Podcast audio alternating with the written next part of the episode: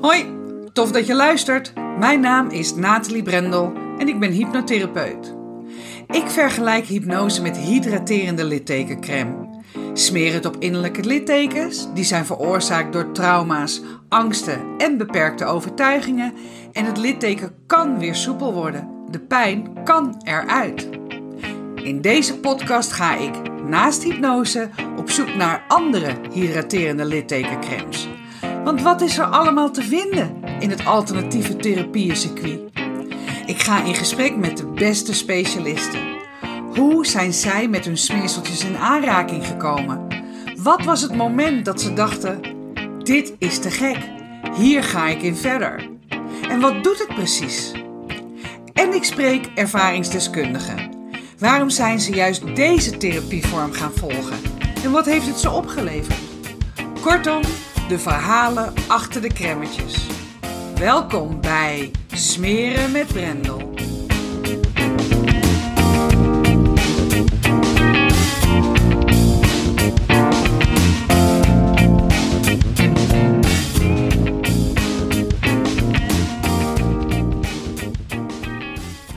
Als je doet wat je tot nu toe hebt gedaan, krijg je wat je tot nu toe hebt gekregen.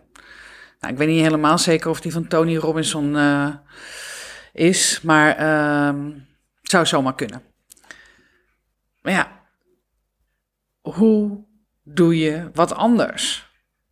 Dat is natuurlijk best heel lastig. Zeker als je bedenkt dat, nou ja, Joe Dispenza zegt 95% eh, van wie we zijn op ons 35ste volledig gebaseerd is op gewoontes, emoties, gedragingen, geloof en perceptie. Het is eigenlijk één groot computerprogramma gebaseerd op ervaringen uit het verleden, waarop je ook je toekomst eh, bepaalt. We noemen het ook wel eens de automatische piloot. die automatische piloot die is natuurlijk super handig, want die gebruiken we als we kijken, als je ochtends opstaat en uh, je routines hebt, je ochtendroutines die eigenlijk altijd hetzelfde zijn. Um, dat is de automatische piloot. Dat je automatisch zonder nadenken naar het toilet gaat, koffietje haalt, douchen, aankleden, naar je werk, zeg maar. Dat zijn toch allemaal wel dingen die je op de automatische piloot doet. En die automatische piloot, die zorgt ook, hè, is 95% uh, gebaseerd is op die gewoontes. Dus dat je eigenlijk 95% van je leven ook dezelfde dingen doet. Dan betekent het ook dat het veranderen heel erg lastig is. Want met je hoofd, met die 5%, kan je wel bedenken van... hé, hey, ik ga wat anders doen. Maar uh, je lichaam, die welkeurig naar de wc, naar de badkamer, naar je werk uh, loopt of uh, fietst of rijdt. Die uh, denkt met van naar de sportschool gaan van nou ik blijf lekker zitten. of met gezondere keuzes voor eten van nou toch maar niet. Ook daarin zijn er natuurlijk allemaal vaste patronen die je hebt ontwikkeld door de jaren heen. Waardoor je eigenlijk al die goede voornemens die we begin januari allemaal weer hadden, eigenlijk helemaal nooit tot uiting gaan komen. En dat is toch op zich is het wel gek, want als je kijkt ook naar die goede voornemens, hebben die eigenlijk altijd te maken met het voor jezelf beter doen. Dus beter voor jezelf te zorgen gezonder eten, meer bewegen, meer ontspanning nemen, uh, meer rust pakken, meer naar buiten gaan, uh, wandelen, weet ik veel wat je je allemaal hebt voorgenomen op 1 januari. Stoppen met roken misschien, stoppen met drinken. Ik ben weer begonnen met Dry January, doe ik altijd in januari.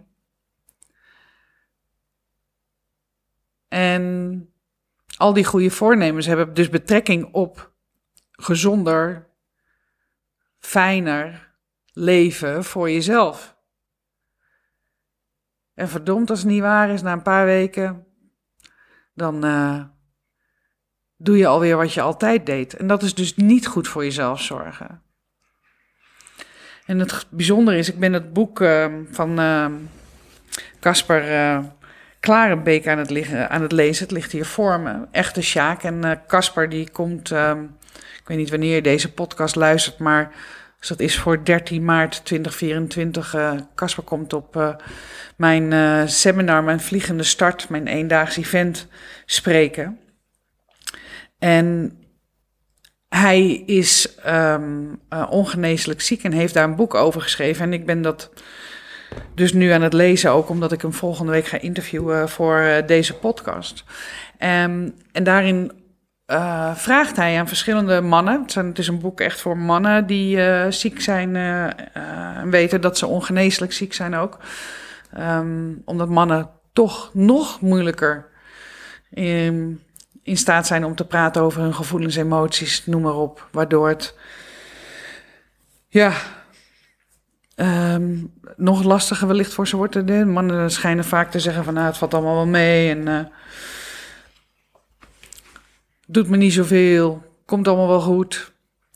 Terwijl um, ja, ze van binnen natuurlijk ook van alles en nog wat voelen. Maar ja, zeker deze generatie, en Casper is volgens mij ook... Uh, zo rond de 60. En de mensen die hij, de mannen die hij interviewt voor zijn boek, uh, ook uh, rond de 50, 60. Ja, wij zijn er niet mee opgevoed om te praten over onze gevoelens en wat we denken en voelen. En mannen al helemaal niet. Dat merk ik zelf ook wel in mijn praktijk. Maar goed, hij heeft dus mannen geïnterviewd en ook gevraagd aan ze van wat is er nu wezenlijk veranderd in je leven sinds je weet dat je ongeneeslijk ziek bent? En ze zeggen allemaal uh, eigenlijk overkoepelend hetzelfde, maar hè, ik sta nu meer in het leven, is een antwoord. Ik ben gestopt met werken, focus is op genieten, veel meer rust, leven bij de dag.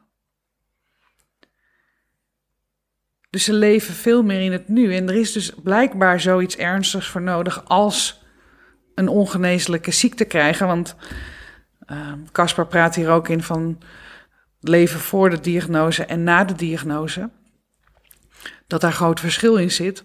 En dat daar dus een enorme, met één klap, dat je dus een enorme bewustwording krijgt over nou, je sterfelijkheid. Dat het zomaar afgelopen kan zijn.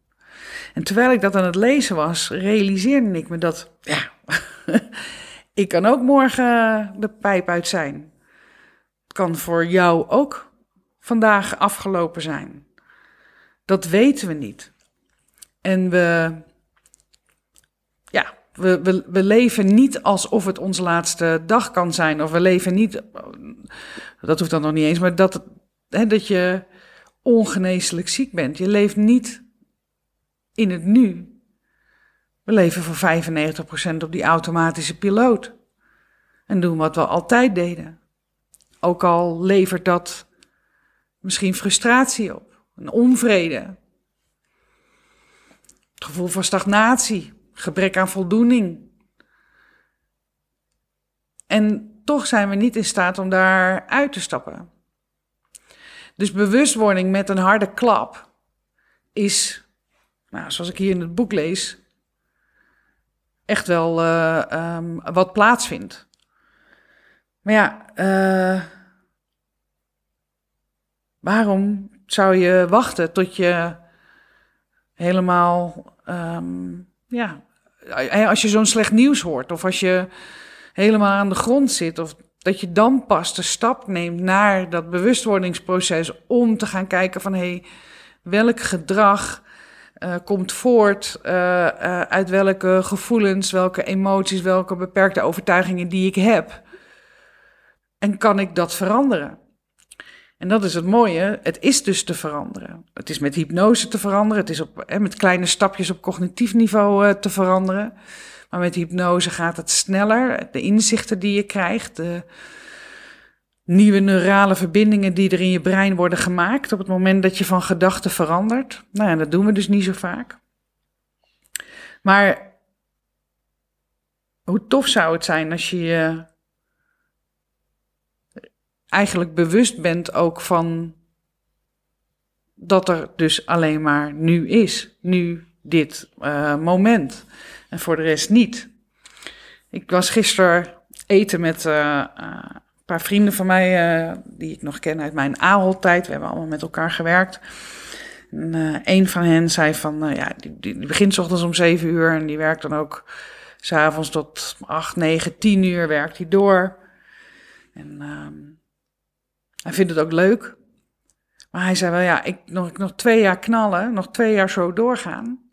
En dan ben ik klaar, dan kan ik stoppen, dan is de toko, ja, verkoop klaar. En dan kan ik cashen en dan hoef ik helemaal niks meer. En ik dacht alleen maar, jezus man, twee jaar, je kan wel dood zijn over twee jaar. Hoe komt het dat je voor jezelf bepaald hebt dat jij die tijd hebt? En um, hij zorgt gelukkig wel goed voor zichzelf. Dus met sporten doet hij ook. En met voeding let hij op. Dus dat is al heel erg fijn. Maar um, ja, ik denk wel bij mezelf van... Jeetje Mina, als je zulke dagen maakt... Um, en je bent al uh, tegen de 50... Dan, um, dan, dan kan dat wel zijn tol uh, ook eisen. En, en ja, dan denk ik van wat geniet je dan in het nu... Um, of wat is er dan straks? Wat is dan die holy grail over twee jaar? Dat is dus blijkbaar dan die zak met geld. Waardoor je dus weer andere dingen kunt doen. Maar ja, de vraag is, ga je dat doen? Want 95% doe je op de automatische piloot. En hoe ga je dan daar bewustwording ook in creëren? Enfin, daar dacht ik dus allemaal aan. Maar dat komt ook omdat ik zelf bezig ben natuurlijk met mijn droom, met mijn why, met het experiment dat ik samen met uh, mijn collega hypnotherapeut uh, aan het samenstellen ben. En um, de stappen naar verandering voor ons ook aan het maken ben voor 2024. Um, om voor mezelf ook het bewustzijn te vergroten door de dingen anders te doen. Het vaststellen van doelen. Hè? Dus uh, wat, um, wat heb ik te doen dit jaar? Wat houdt me tegen? Wat zijn mijn beperkte overtuigingen op de dingen die ik wil doen? Um, en hoe ga ik stap bij stap daar verandering in brengen?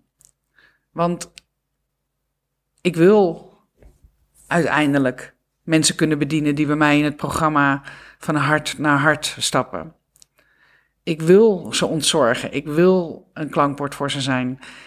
Ik wil um, met ze oplopen op hun pad naar uh, ja, hun eigen essentie. Dus ik ben die stappen ook aan het nemen. En eigenlijk gaat het wonder wel heel goed. En dan ben ik eigenlijk, nou ja, wonder wel. Ik bedoel, uh, ik uh, verbaas me er eigenlijk niet over. En ik zit hier nu met een glimlach op, uh, op mijn gezicht. Want ik merk dat ik meer focus heb. Ik merk dat ik keuzes maak die goed zijn voor mij. Um, er kwam een klant langs voor um, afvallen. Ja, dat is niet meer wat ik doe. Ik zou kunnen zeggen van ja, ik ga toch voor de pecunia's. Maar ik heb toch besloten om um, door te verwijzen naar een collega van mij die dat nog wel doet. Hetzelfde geldt voor iemand die één sessie wilde afnemen. En ja, dat is niet de manier waarop ik werk, waar ik me senang bij voel. Dus ook hem heb ik doorverwezen naar een hypnotherapeut die dat wel doet. Stick to the plan. Dat is wat ik in mijn hoofd elke keer hoor. Blijf bij het plan, blijf bij je droom, blijf bij je doelstelling. Wat wil jij bereiken dit kwartaal? En wat heel belangrijk is, is de vliegende start van 13 maart. Dat ik daar mensen ja, een amuse, een sneak preview, een appetizer mag geven van het programma van hart naar hart.